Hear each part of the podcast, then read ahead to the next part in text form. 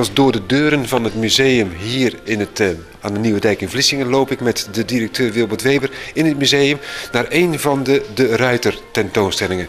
Want Wilbert, je hebt er meer dan één weer. Ja, uh, nou, naast de vaste opstelling, wat je zou kunnen zien als al een De Ruiter tentoonstelling. Want wij hebben uh, de Ruiter heeft drie schilderijen gehad die van hemzelf zijn geweest. En al die schilderijen hebben wij in huis. Dat is dus heel bijzonder. Hebben wij op dit moment nog twee andere tentoonstellingen staan. De Glorie van Zeeland en uh, de Ruiter herdacht. En we gaan nu eerst naar de Glorie van Zeeland. We staan nu voor de deur van de pakhuizen. Dus nou, gaan we even door de deur. Die is ook dicht. Je kan er wel in hoor, maar dat heeft met het klimaat te maken. Want er zijn hele dure schilderijen. En die moeten aan klimatologische omstandigheden. En vandaar dat de mensen even de deur op moeten doen. En die gaat gewoon weer dicht.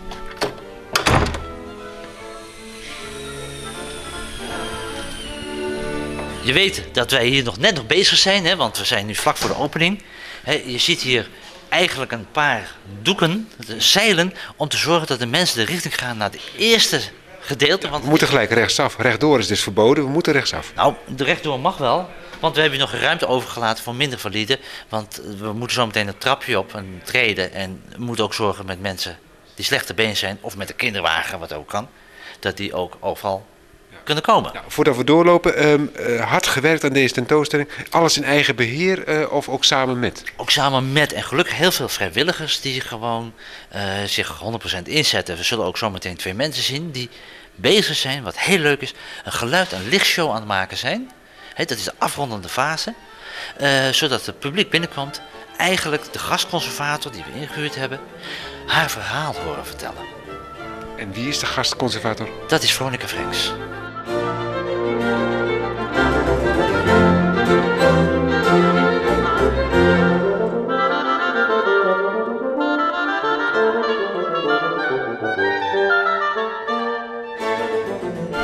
Nou, langs de drie fokzeilen loop ik met jou verder. Opstapje op naar boven. Eh, de zeven stippen, anders dan struikel je. Prachtige, mooie stenen, gele stenen vloer hier. Ehm, de titel van deze expositie? Of de trots van Zeeland. Uh, heeft ook te maken, wij als Zeeuwen mogen hem best zien als onze trots.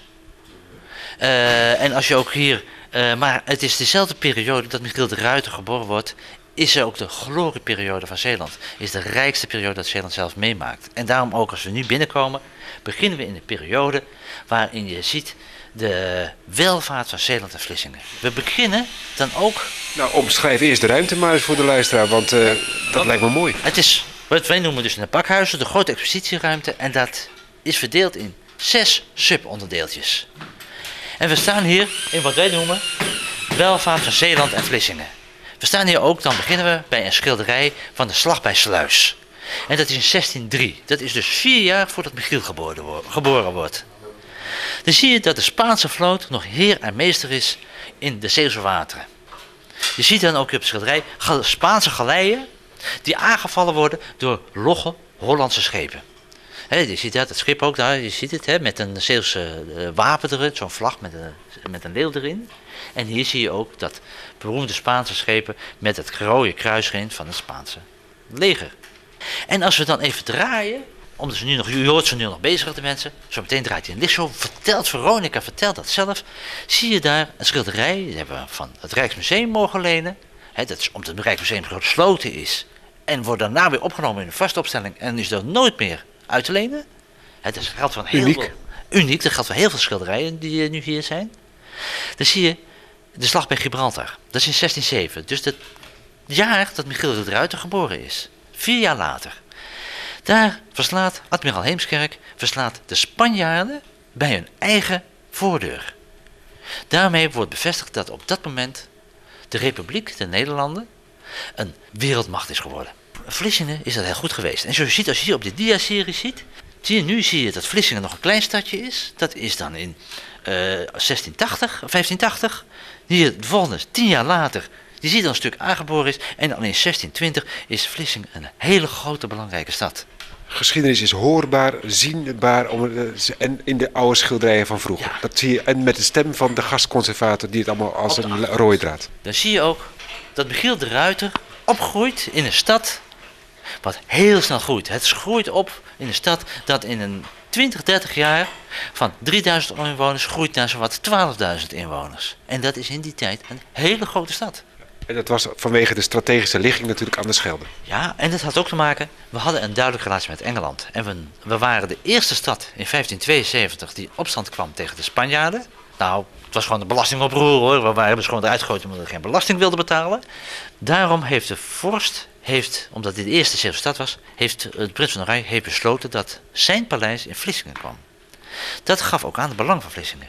En toen ook, in 1622, de uh, Frederik V, de paltsgraaf, die was net getrouwd met Elizabeth Stuart en die was een dochter van de Engelse koningin. Hierheen kwam, kwam hij aan in Vlissingen. En dat was heel belangrijk, want deze Frederik V zou de koning van Duitsland worden.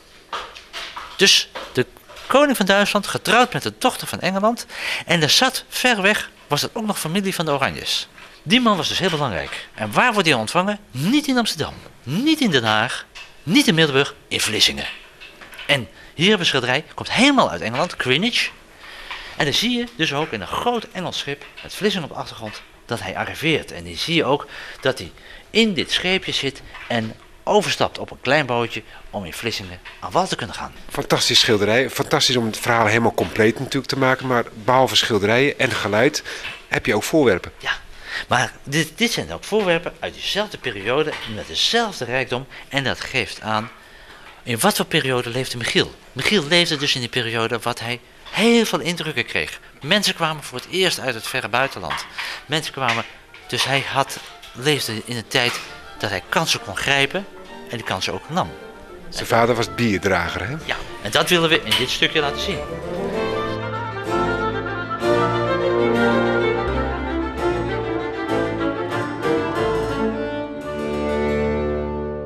De maatvoering van de schilderijen, dat hebben we nog niet gehad, uh, Wilbert, hier uh, in de, de trots van Zeeland, eh, zeggen we dan maar hier in de, een van de exposities. Grote schilderijen, die waren altijd groot, dit soort... Ja, ja, ja, precies, maar het geeft ook aan hoe belangrijk het was. Want het was net in die periode dat men voor het eerst grote schilderijen. Want dit zijn dan vrij vroege schilderijen. Hè. We praten over 1620, 1607, 1603. We komen zo meteen in ruimte, dan zitten we al in 1640. En de maatvoering was de deur van, ons, van onze ruimte, want groter konden ze er niet in. Maar dan zie je dat ze nog twee keer zo groot worden. Dus we lopen, ik sta voor om nu door te lopen. Gedeelte. Iets kleinere ruimte, ook weer een andere kleur, ander thema, maar toch weer deel uitmaken van dezelfde tijd van Michiel de Ruiter. Deze thema, werk en Michiel, en de, Michiel de Ruiter. Terwijl we daar laten zien, hoe zag Vlissingen eruit in de tijd van Michiel de Ruiter, laten we zien, Michiel de Ruiter heeft heel veel uh, soorten werk gehad. Hij is matroos is hij begonnen. En hier laten we zien wat voor werkzaamheden en wat voor werk was er in de periode van Michiel de Ruiter. Ook hij heeft gewoon over het Walgers landschap gelopen. In, juist in die periode rond 1600 gaan de Zeeuwen Zeeland weer inpolderen.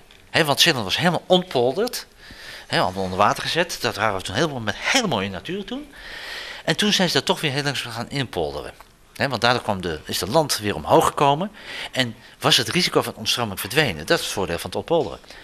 En hier zie je de schilderijen van mensen, hele vroege Zeeuwen. Er zijn de eerste Zeeuwse schilderijen haast van het eiland Walcheren. Van Rijkhals is dat. En die geven dus een beeld hoe Walcheren, uh, hoe, ja, hoe de kunstenaars geïnspireerd werden door, dat, door het inpolderen weer. Maar aan de andere kant heb ik ook een schilderij van waar verdienen mensen geld mee. Hier heb ik... Uh, de haringvang staan. Dat was de belangrijkste bron van inkomsten. Met een model van een haringbuis. Maar ook, wat Michiel de Ruiter ook veel geld aan verdiend heeft. Walvisvaart. We zien hier Zeeuwse en Hollandse schepen. Want kijk maar, de linker is een Zeeuwse. Dat zie je aan de vlag. In noordelijke ijszeeën bij eh, Nova Sembla. Op vangst naar walvis. We zien dat ze daar een, een walvis is afgeschilderd waar ze een, eh, een harpoen in prikken. Nou, in de werkelijkheid ging het niet zo. Maar tot die tijd werd eigenlijk alles, werd iedereen, dus de, dus de vuur, maar ook de lampen, draaiden op lijnolie. Dat was duur. Maar dat was walvisolie, want daar, daar deed ze op de traan, was veel goedkoper. En eigenlijk wel die walvissen werden daar afgeslacht, alleen voor de olie. En er waren dus grote oliebranderijen op dat soort uh, eilanden. En een van de eilanden heette ook de Zeeuwse Uitkijk. En Het was zelfs zo erg dat ze het gevangen hebben, want dat waren toen heel veel walvissen, dat in twee jaar tijd hebben zij in die omgeving waar ze visten alle walvissen uitgeroeid. Toen al. Maar het was gelukkig alleen een heel klein deeltje van de noordelijke IJszee, dus de rest wisten niet dat er ook walvissen zaten. En toen zijn ze maar overgestapt op zeerobben en uh, zeehonden en zelfs zoals je hier ziet op ijsberen. Daarom heeft ook die walvisvaart ook maar tien jaar geduurd, want toen, ja, toen was het op. Dus wat dat betreft uh, ligt het repet.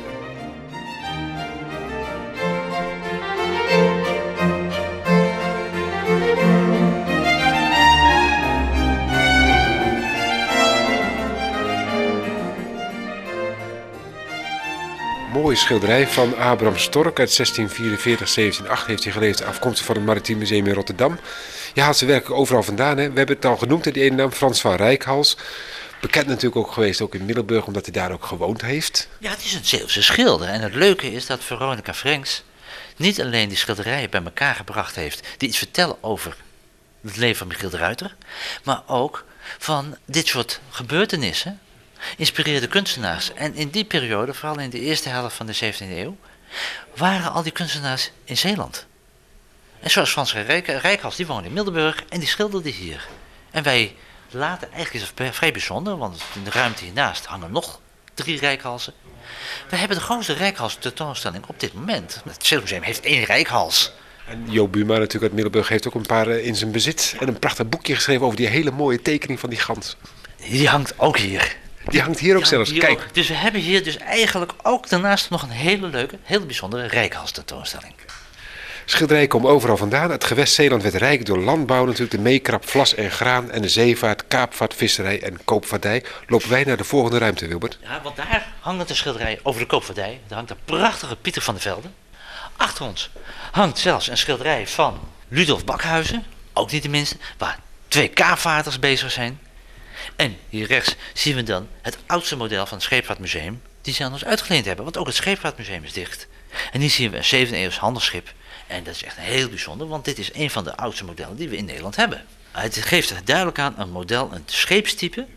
Want uh, Michiel de is zelf eigenaar geweest van de Salamander. En daarvoor voer hij op schepen van uh, Lamsins. En dit is typisch zo'n schip wat Lamsins had. Dus dit zijn scheepstypen die hier gewoon in Vlissingen werd gebouwd, die in Middelburg werd gebouwd en die hier voeren. Zelfs een boek. Nog net geen Bijbel, denk ik, maar. Nee, dit is uh, de nauwkeurige beschrijvingen der Afrikaanse gewesten van Dapper. Dus ze kwamen terug met verhalen uit Egypte, dat daar piramide stond. Nou, meneer Dapper was er nooit geweest, maar dat schreef hij op.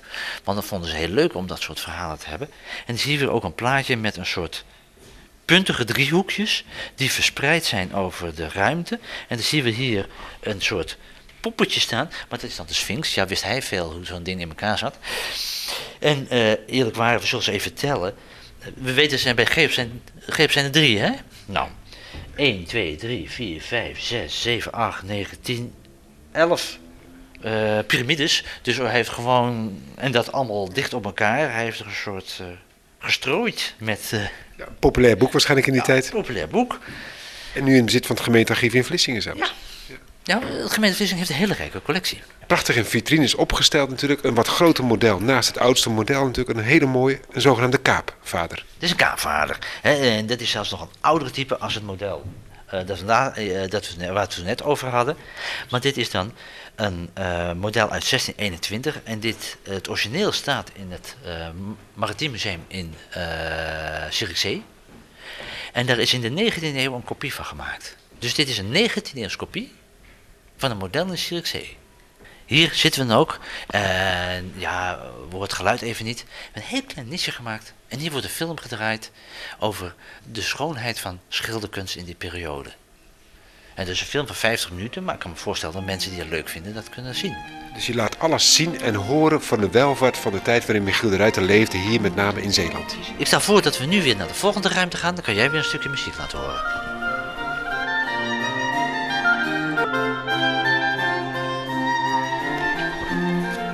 De grotere ruimte hier, uh, nog steeds hier in het Maritiem Museum, over de trots van, uh, van Zeeland zou je kunnen zeggen. De verwondering verbeeld, want ook verwondering heerste er in een tijd van welvaart.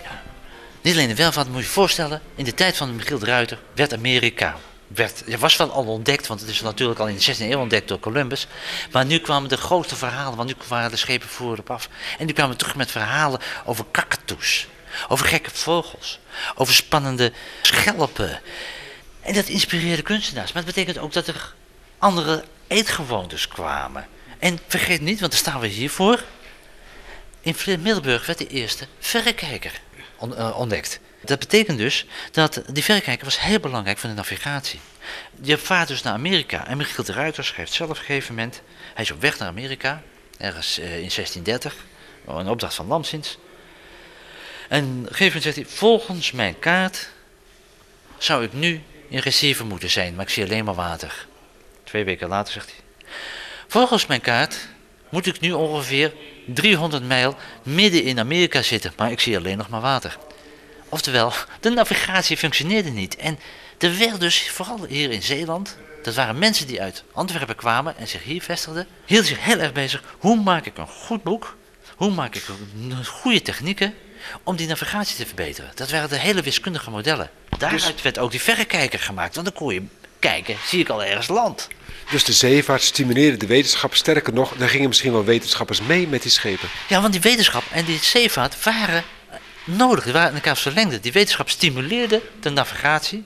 Of die stimuleerde het varen. En de scheepvaart riep om meer kennis. En de eerste zeilbeschrijving, de routebeschrijving naar Amerika, is in 1623 uitgegeven weer in Vlissingen. En dat is de Toortse der Zeevaart van Diederik Ruiters. En die ligt dus dan ook gewoon in de Zeeuwse Bibliotheek in de Kluis. En die kunnen wij weer allemaal laten zien. Echt een pioniersboek dus eigenlijk, hè? Ja. En hier zien we overigens, waar had je het al? De tekening, de gans van Frans van Rijkhals. De kunst werd geïnspireerd door de wetenschap. En daarom ook hier de tekeningen van Rijkhals van de ganzen. Want die kunstenaars die gingen heel goed kijken. Want tot nu toe maakten ze alleen maar Madonna's. En nu gingen ze eigenlijk naar de omgeving kijken. Hoe ziet een zo'n gans eruit? En dat had weer effecten op de productie van tegels die mensen dan weer aankochten. Als je goed kijkt, dat was bijvoorbeeld zo iemand als uh, Goedaard. Die ging heel goed bestuderen hoe nou al die kleine beestjes als rupjes eruit zag. En Goedaard was de eerste die ontdekte dat van het rups een vlinder kwam.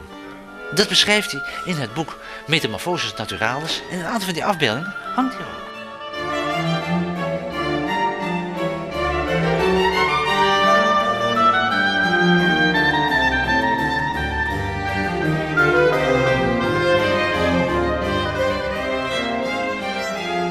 hier hebben we een schilderij, een prachtige schilderij van het gemeentemuseum in Zierikzee.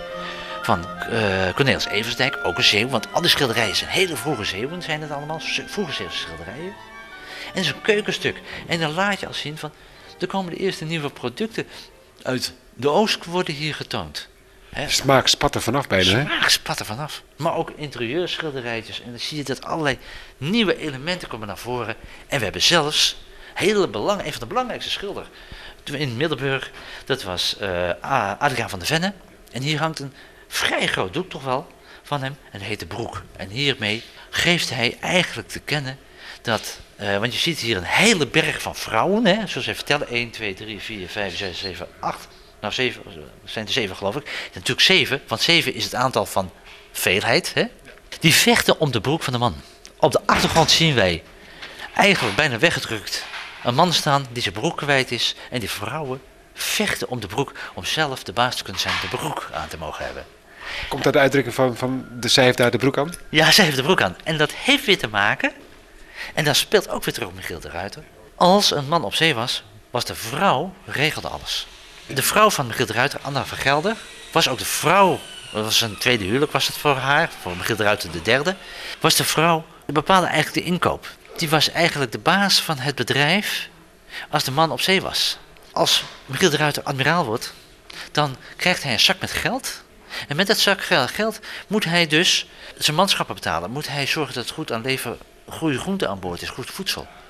En de Zeeuwse traditie was dat de vrouw dat regelde.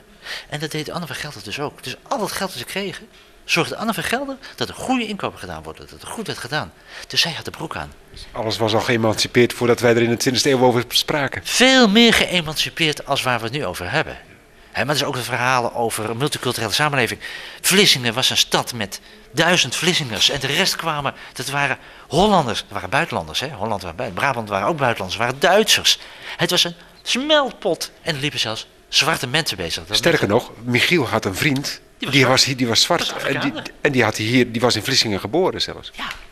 Dus het was toen al een multiculturele samenleving. En het leuke is, men greep de kansen van die multiculturele samenleving. Want we vonden het spannend van al die dingen wat die mensen uit Duitsland vertelden. Wat die mensen uit Afrika vertelden. En grepen juist de kansen. Voelde hij zichzelf een held of was het iemand die dichter bij zijn geloof bleef staan? Was het meer een vroom mens? Dat is altijd een moeilijke vraag natuurlijk. Het is een moeilijke vraag, omdat eh, als je het over godsdienst hebt, dat wordt niet geschilderd. Dus dat kan je, je kan niet vinden. Alleen, eh, ik denk dat het een zeeuw was. En dat betekent dat hij nuchter bleef. Hij werd altijd geklaagd dat hij en zijn vrouw, als er boodschappen gedaan werden, dat niet door zijn dienstmaagd lieten doen. Maar dat ze zelf naar de markt gingen. En dat deden ze nog lopend ook. Dat deden ze niet eens met een eh, koets. Daar werd schande over gesproken. En wat wel duidelijk is, toen hij overleed, bleek hij toch relatief veel geld te hebben, een paar honderdduizend gulden. En het grootste deel is naar de kerk gegaan. Dat geeft wel een signaal af dat hij heel eh, Dienstbaar was aan. dienstbaar was aan. Eh, kijk, en ik denk dat je, hoe mensen godsdienst nu beleven, is totaal anders als men toen beleefde. Elke keer als op schip was, werd begonnen met een ochtendgebed. Maar dat was niet omdat dat direct zo was, maar dat was een stuk traditie. Je begon eigenlijk de dag met een gebed. En dat was opgelegd, dat moest. Dat had de wet zo geschreven. Er stond een reglement en er stond in dat je dat moest doen. Dus in al zijn heldendom en in zijn bijzonderheid bleef hij eigenlijk de gewone man, de gewone zeeuw. In tegenstelling tot andere helden zoals een- zo'n Tromp en zo'n Eversen die een hele andere komaf hadden natuurlijk. Precies, want zo'n zoon van een Tromp, die trouwde heel bewust met de dochter van een burgemeester uit Amsterdam. Die kreeg op een gegeven moment ook zo'n zak geld. En die dochter van de burgemeester gaf dat, zorgde niet dat er goed gezorgd werd voor de bemanning. Nee, die kocht daar een gigantisch buitenhuis van de Trompenburg. Wel heel mooi, we hebben het nog steeds. Het is nu dependance van het Rijksmuseum. Dus eigenlijk ook wat beleid dat ze dat gedaan heeft. Maar het is wel over de rug gegaan van heel veel mensen. En, Trom, eh, en de Ruiter, heb ik het idee, heeft dat niet willen doen. En dat zou heel goed uit zijn geloof kunnen komen. Want hij is opgegroeid in de Vlissingen in de tijd dat er hele progressieve eh, dominees hier predikten. Die predikten dat mensen uit Afrika, dat je dat gewone mensen waren en geen slaven. Mensen dat je goed voor elkaar moest zorgen. Dat we medemensen waren. En dat heeft hij wel meegenomen. En ik denk dat dat zijn tijd beleefd heeft. Maar dat is hetzelfde wat mensen meekrijgen op, op de lagere school nu. En dat heeft hij meegekregen vanuit de kerk. De beginperiode, als je naar de preken kijkt, die in de eerste eh 10, 20 jaar na de reformatie in Vlissingen worden gehouden. Dan zijn dat prediken waar gezegd wordt, laten we elkaar helpen. Laten we elkaar goed zijn. Ben bezig met uw medeburger. Terwijl ik nu nog wel eens merk dat in kerken op een andere manier gesproken wordt. Maar laten we dit stuk maar even laten Ja. zitten. Ik heb een prachtig stukje muziek lopen daarna eventjes verder hier in deze toch wel inspirerende tentoonstelling.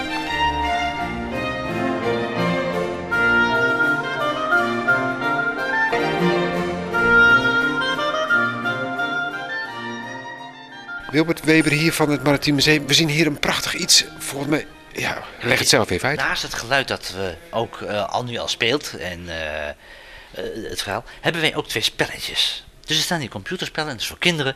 En eh, je moet je voorstellen, als je op reis gaat, neem je vaak een souvenir mee. Dus, hè, Even een, stoel, dan kun je zitten, dan gaan we even naast zitten. En een muis, geen toetsenbord, alleen maar een muis. Gewoon gewoon een bol en dan zeg je start het spel.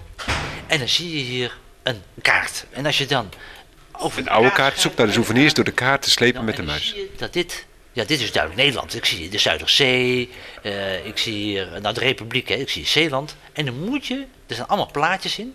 Plaatjes van voorwerpen die in de tentoonstelling of in het museum zijn. We zien hier een eh, oud bord. En er zit hier een klein beeldje van Michiel de Ruiter. En dan moet je kijken, moet je zoeken welke souvenir zou nou thuis horen bij Nederland. Nou, als Michiel aan komt er ook een tekstje. Helaas niet goed. Miniatuurspeelgoed van de Ruiter uit 1920. Dus dat nam je niet mee in de 17e eeuw. Dus dat is fout, hè? Dan klik je weer aan. En hier zien we Een dus geraamte. een skelet van een, Muis. van een kikker. Of, of van een kikker, ja. Om erachter te komen hoe een skelet van een kikker eruit ziet, heeft men in de 17e eeuw skeletjes geprepareerd. Het is goed, dit souvenir hebben we meegenomen. Dus ga je verder en dan krijg je weer een tekst Engeland. In het begin van de 17e eeuw kwam vooral wol en tin uit Engeland. Een inleidende tekst en als je goed leest, weet je ook wat voor soort plaatje je moet zoeken. Hè? Je moet het wel kijken. Maar het is ook een stukje begrijpend lezen. Het is natuurlijk begrijpend lezen. En dan zie je hier de kaart van Engeland. En je ziet hier, ja, een embleempje Vlissingen, Zeeland. Ja, dat zal dus niet zijn. Afrikaanse schoentjes. Dat zal het ook, als je ook aanklikt, zit er ook, ja, dit zijn Afrikaanse slippers, dat is fout. Nou, zo gaat het zeven levels door. Maar het zijn niet alleen maar kinderen die hier natuurlijk achter zitten. Het zijn natuurlijk ook de bezoekers, de volwassenen. De volwassenen gaan ook mee. En eh, het leuke ook is, over een, een, week, een paar maanden, zal dit ook gewoon op onze website zijn. Dus kan je het ook thuis nog eens naspelen. Of zelfs op school kan je het doen. Interactief. Dan gaan we nu de gaan we... op naar de volgende afdeling.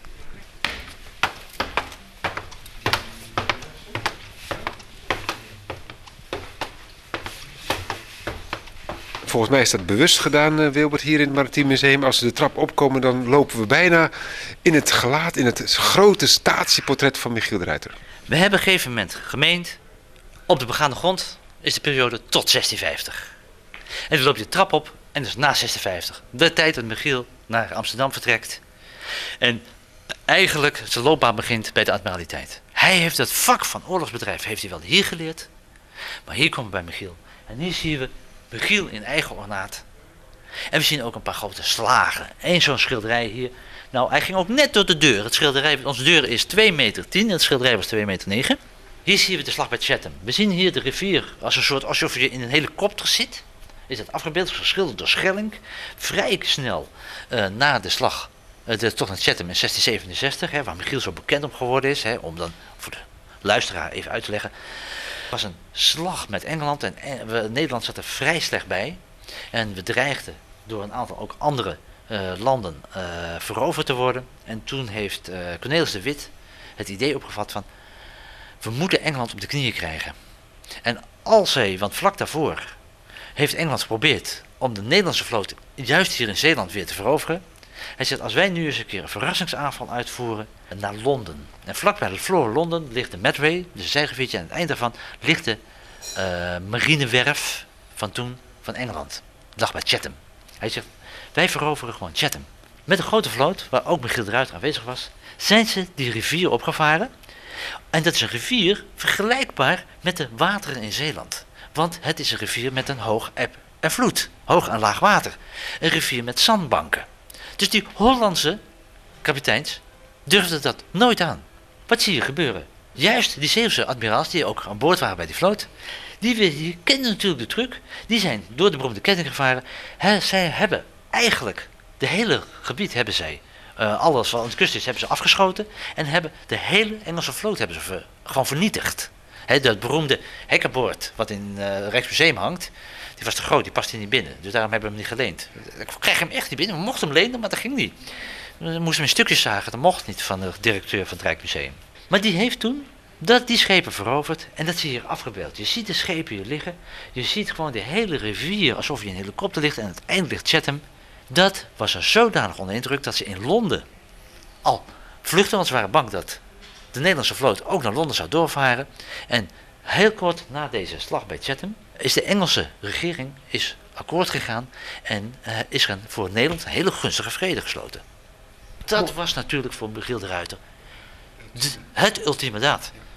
Toen is hij bedankt op allerlei manieren. Toen zijn die beroemde schilderijen, waarvan we dus nu net heen liepen, hè, voor de admiraliteiten gemaakt. Zijn er zeven voor de admiraliteiten gemaakt. Nou, daar hangt er dus eentje van. Eentje voor hemzelf, die hangt nog gewoon in de vaste opstelling. Toen heeft hij van de admiraliteit Amsterdam heeft hij die beker gekregen. Maar die moest, staat in de vaste opstelling nu in het Rijksmuseum. Dus die wilden ze niet uitlenen, want ze wilden in het ruitjaar ook nog zelf iets houden. En van de admiraliteit van Zeeland kreeg hij een atlas van blauw. Bestaande uit zeven delen.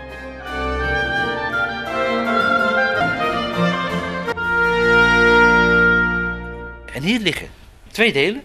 Eén deel die hebben ook neer gewoon dichtgelaten. En daar zie je het wapen van de admiraliteit van Zeeland in. En je ziet hier hebben we eventjes eentje opgeslagen. Dat is namelijk uh, Scandinavië. En dat verwijst naar het schilderij achter ons. De slag bij de Zond. Die we weer in de lakenhal hebben teruggevonden. Achter jou weer, als je dit draait, ligt daar een van Frans van der Velde. Een van de bekendste schilderijen. Als het over eruit gaat, staat dit schilderij altijd op de foto. Een penschilderij waarmee Frans van der Velde helemaal Willem van der Velde bekend is geworden. Namelijk uh, het beraad het krijgsraad voor de Vierdaagse Zeeslag. Hè, dus voordat ze naar Chatham zouden vertrekken. Waar dus Michiel de Ruiter aanwezig is.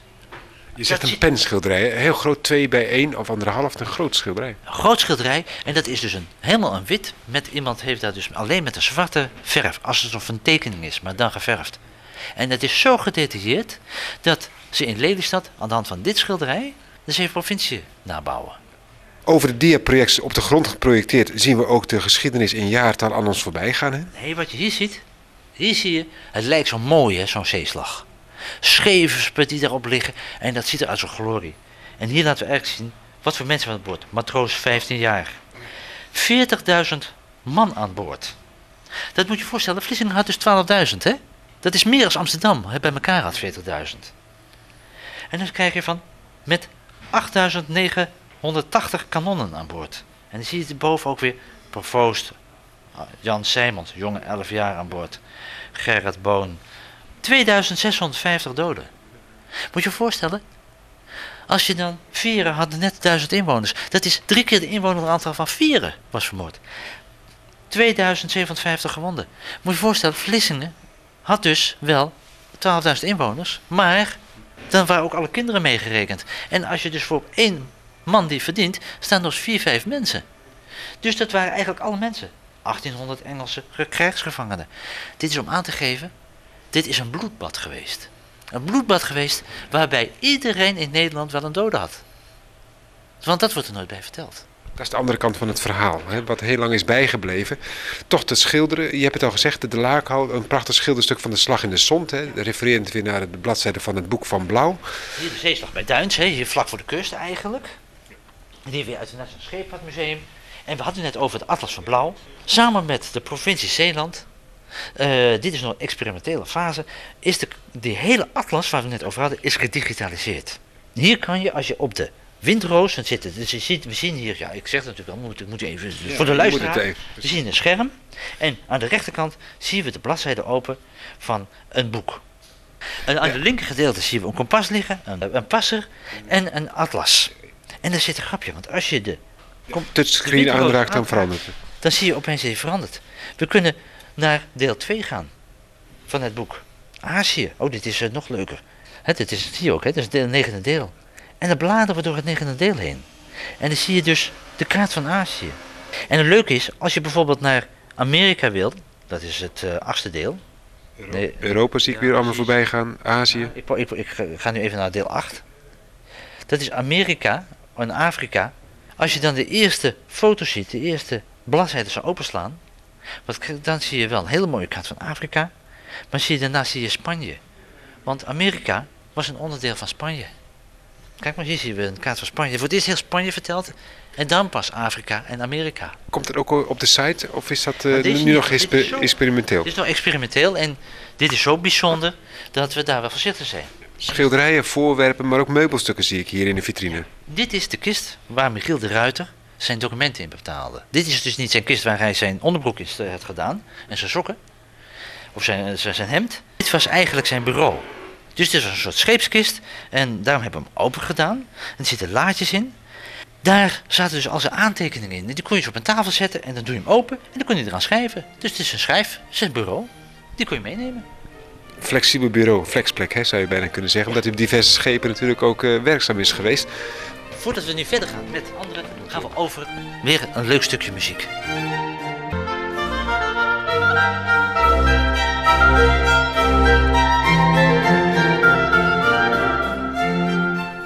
Weer een nieuw thema in dezelfde expositie natuurlijk hier Wilbert, hier in het Maritiem Museum. Welk thema zijn we nu aanbeland? Dit noemen wij Zeeland en Michiel de Ruiter nadat hij vertrokken is. Want de Zeeuwen hebben vooral geld verdiend in de kaapvaart. En als in 1648 de strijd met Spanje eh, eh, eindigt, eh, ja, dan is het grote geld is verdiend. En dan gaan de Zeeuwen gaan eigenlijk een beetje rentenieren. Terwijl de Hollanders dan nog zich verder gaan ontwikkelen en de economie daar sterker eh, stijgt, ga- begint Zeeland eigenlijk al wat later, de Gouden Eeuw voor Holland is, begint het hier aan te ontstaan. Dan zie je dat de Zeeuwen vooral zich gaan richten op het buitenhuis. Ze willen gaan status hebben. Men, krijgt, men gaan eh, schilderijen maken van zichzelf, dus eigen portretten. En wat zie je dan? Als daar een van de eerste dingen wat als status was, dat is hier in Zeeland eigenlijk geïntroduceerd. Men kende dat al in Italië, was een eigen buitenhuis. Dus daarom hangt hier een schilderij van Lammerburg, het buitenhuis van Cornelis Lamsins. Hier bij Vlissingen en Lammerenburg, waar de, de tegenwoordige wijk naar vernoemd is. Precies. Maar hier zien we dus ook het portret, twee portretten, van eh François Leidekker en zijn vrouw. De, eh, hij was gedeputeerde van de Zeeuwse Rekenkamer en hij laat zich portretteren met zijn vrouw samen, met op de achtergrond een tuin van zijn buitenhuis. Terwijl als je Michiel op de achtergrond kijkt, zie je altijd zijn oorlogsschip. En hier zie je staat dus, kijk eens, ik heb een buitenhuis. Dezezelfde systematiek van buitenhuis zie je op een heel mooi schilderijtje van Justus de Huibert. Dus ja, die heeft niet geschilderd, maar dat was de, is afgebeeld. Dat is ook iemand van de rekenkamer. En die laat zien, kijk, ik heb meegewerkt in de aankoop van de beroemde tapijten die nu in het Zes Museum hangen. Dus we zien hier een schilderijtje waar de Statenzaal is afgebeeld met de tapijten. En tot slot, omdat Michiel de Ruiter zoveel aandacht krijgt, ontstaat een grote interesse in zeestukken, dus in schilderijen over de zee. En dan krijg je iets wat in de rest van Nederland niet, eigenlijk nauwelijks gebeurt, op de rest van de wereld. Men schildert niet meer land, maar men gaat zee schilderen. En dat was heel bijzonder En daar zijn Zeeuwse zee- schilders ook eh, in voorop gelopen. opgelopen. En daarom zie je hier een paar prachtige zee- zeestukken. Overigens ook weer nog van Pieter van der Velde. En ook hier, dit is dan een schilderij, wat echt, ik vind nog steeds heel mooi is, van uh, een bruikleen van Hoogsteden en Hoogstegen van Bellavois. Een woedend water met schepen. En dit is niet meer een afbeelding van een, van, van, van een zeeslag of zo, maar het is gewoon een stuk om aan je muur te hangen boven je bank. Knalt eruit, hè? Het knalt eruit. Dus eigenlijk begon in Zeeland de, het op zijn lauwere rusten al eerder als in Holland, zo zou je dat kunnen zeggen. En we eindigen eigenlijk bij de laatste weken van Michiel de Ruiter. Je hoort hier ook Veronica weer vertellen. En ziet, kijk, nu, nu ze vertelt, zie je hier licht ontstaan waar het over gaat. Hè? Het is een lichtend of zo. Dus het verhaal, steeds door die lichtpunten, wordt aangegeven waar ze het over gaat. En als je maar de lichtsporen volgt, kun je ook haar verhaal volgen. Ze is elke dag aanwezig hier, de gastconservator, die dus eh, dat op een fantastische manier heeft gedaan. Lang mee bezig geweest. Ook weer een experiment om het op zo'n manier weer eh, te laten zien, horen en misschien wel voelen. Nou, het leuke ook is als je met een, iemand van buitenaf werkt, in plaats van een vaste conservator, dan eh, zo iemand heeft altijd frisse ideeën. Er komen hele andere ideeën. Dus dat betekent dat we ook weer een andere vormgever he- hebben gekozen. En daarom ziet alles ook weer heel anders uit als wat wij gewend zijn. De laatste weken van Michiel de Ruiter. In april eh, 1676 dan overlijdt hij bij een slag bij Sicilië. Bij Etna. Bij de Etna. Op een gegeven moment lag hij daar te wachten eh, met, op, de, op de Eendracht. En eh, zo heette dat schip. En hij moest. Was een, opeens was de, de wereld was weer veranderd. Eigenlijk was de republiek bijna al wereldmacht af.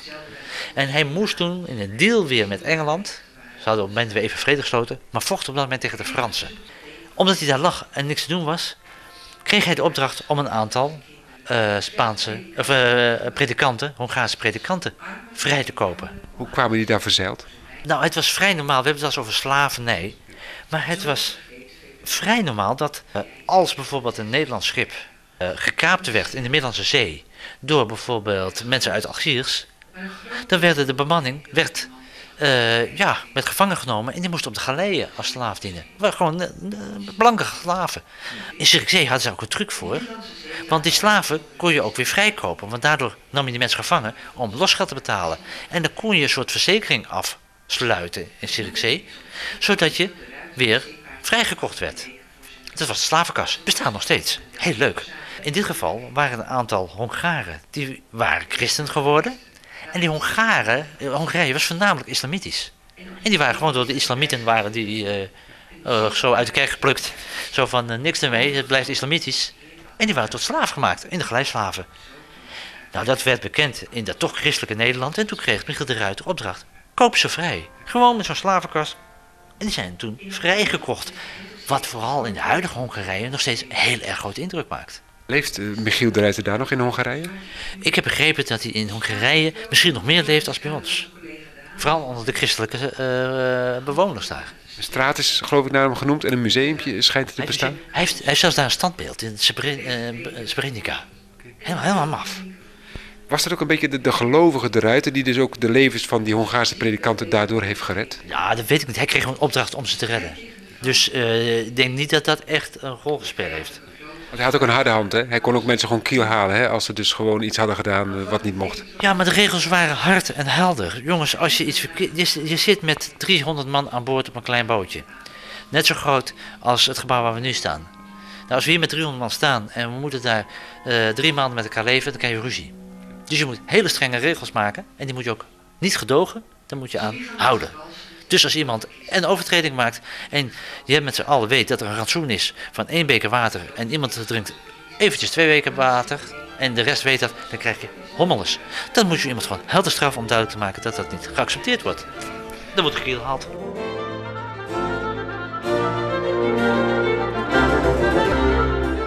Uh, ja, wat doe je als je daar ligt te dobberen? Dan heb je honger.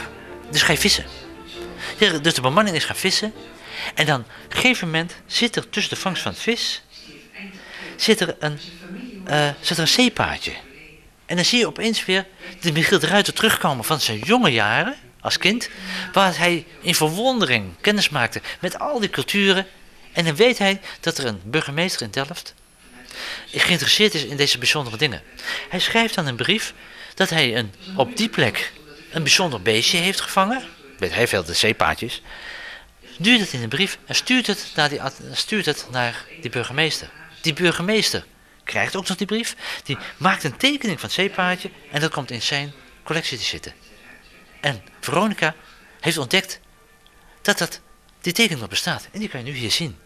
Samen met een envelop uit die tijd. Want in dit, we hebben nu zo'n papieren envelopje. Vroeger ging dat niet zo. Dan had je een envelop van textiel of soms zelfs leer. En als je het klepje opendeed, stond erop de ruiter. Dan wist je dat het een brief was die naar meneer de ruiter moest. En de volgende keer ging gewoon hetzelfde briefje weer terug. Dus je had een ja. eigen postbus die meeging. Ja, ja, maar het was helemaal heel vriendelijk, hè? dus we hebben niet weggegooid. Hergebruik. Deze komt uit het Rijksmuseum en in ons boven hebben we ook ons eigen, eigen exemplaar. Dus we hebben een textiele en deze is iets luxer, want deze heeft een klein beetje leer. Maar hier staat dus gewoon de brief in voor zijn vrouw. En daarboven hangt dan de slag bij de Etna. Hier zien we de Etna. En hiervoor, met het schip waar een rood-wit vlag is met een leeuw erin. Dat is de Eendrachter. Daar zit Michiel de Ruiter op. En dan moet je even heel goed kijken. Jij moet met je neus erop gaan zitten. Achter op het schip zie je haast als een poppetje zie je iemand omvallen. Dat is, staat Michiel de Ruiter waar zijn been wordt afgeschoten. En dat die dus, ja, als je benen wordt afgeschoten, dan val je om. Want als je een popje pakt en dan... Een verdwaalde kogel die hem geraakt heeft. Die hem raakt. Dus op dit schilderij wordt dus zo'n schilderij zie je, als je het goed kijkt, vertelt dat een heel verhaal. Want je ziet heel veel om je heen. En eigenlijk zie je niet dat het poppetje Michiel eruit omvalt. Toen, toen moest hij natuurlijk weer vervoerd worden. Ja. Een heel verhaal natuurlijk geweest. Uiteindelijk begraven in de Nieuwe Kerk in Amsterdam met een mooie graftombe. Inmiddels doorgelopen. Um, zien we hier iets heel anders. Statige muziek, ridderlijke muziek. Muziek uit zijn tijd natuurlijk. Ja. Een vitrine. Hier zien we groot uitvergroot op de achtergrond zijn begrafenisstoet. Met erboven de emblemen van zijn wapen. want hij is op een gegeven moment, de koning van Denemarken, heeft hem uh, in adelstand verheven. En dan zien we ook van links naar rechts een ruiter, dat is Michiel de Ruiter. En de volgende is, is naar Denemarken, je het kruis van Denemarken. Met een schip gekomen en dat daar zien we afbeelding van een schip, dan zien we een afbeelding van een kanonnetje. Uh, en daar heeft hij ons geholpen met kanonnen. Dat is zijn embleem. En dan in het midden hangt dan het wapen van de Hollandse wapen, omdat uh, ja, aangeven dat het Holland is. Was het een soort staatsbegrafenis?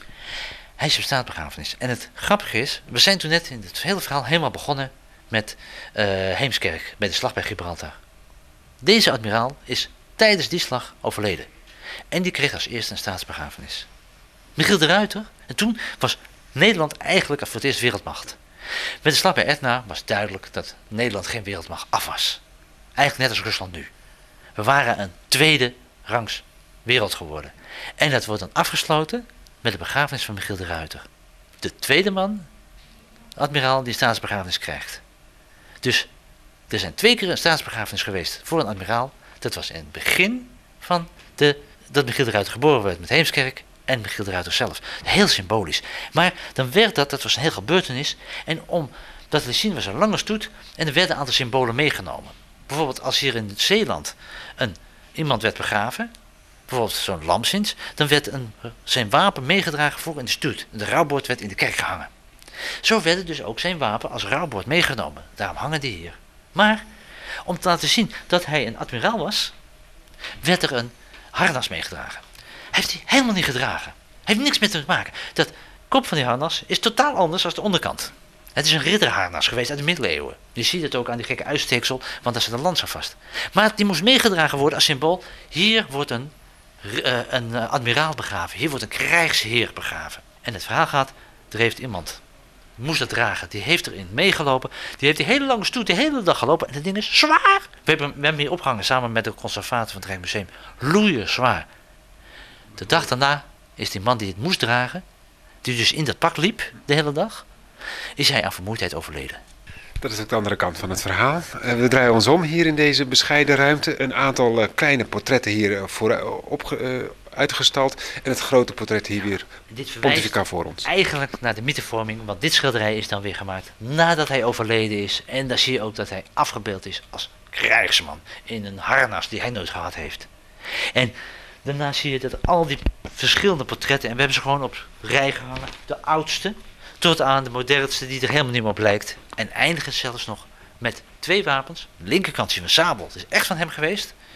En de rechter is de sabel die hij van Dij van Achiels heeft gekregen. En ook deze werd weer meegedragen in de stoet. Want dat waren zijn paraphernalia. En daarmee eindigen we eigenlijk de tentoonstelling. Wilbert, we hebben een kijkje gehad in een van jullie vele uh, tentoonstellingen hier. Prachtig om te zien allemaal. We gaan natuurlijk ooit eens een keer in een ander programma, een andere expositie weer van jou bekijken.